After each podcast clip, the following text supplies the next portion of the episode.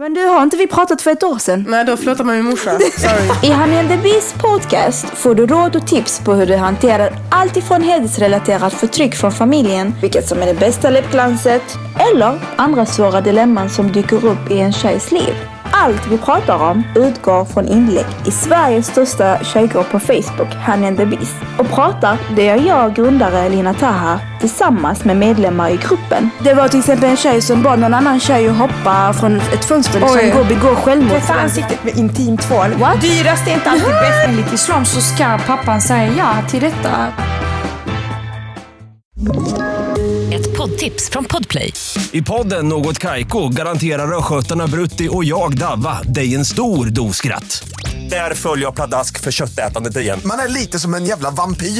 Man har fått lite blodsmak och då måste man ha mer. Udda spaningar, fängslande anekdoter och en och annan arg rant.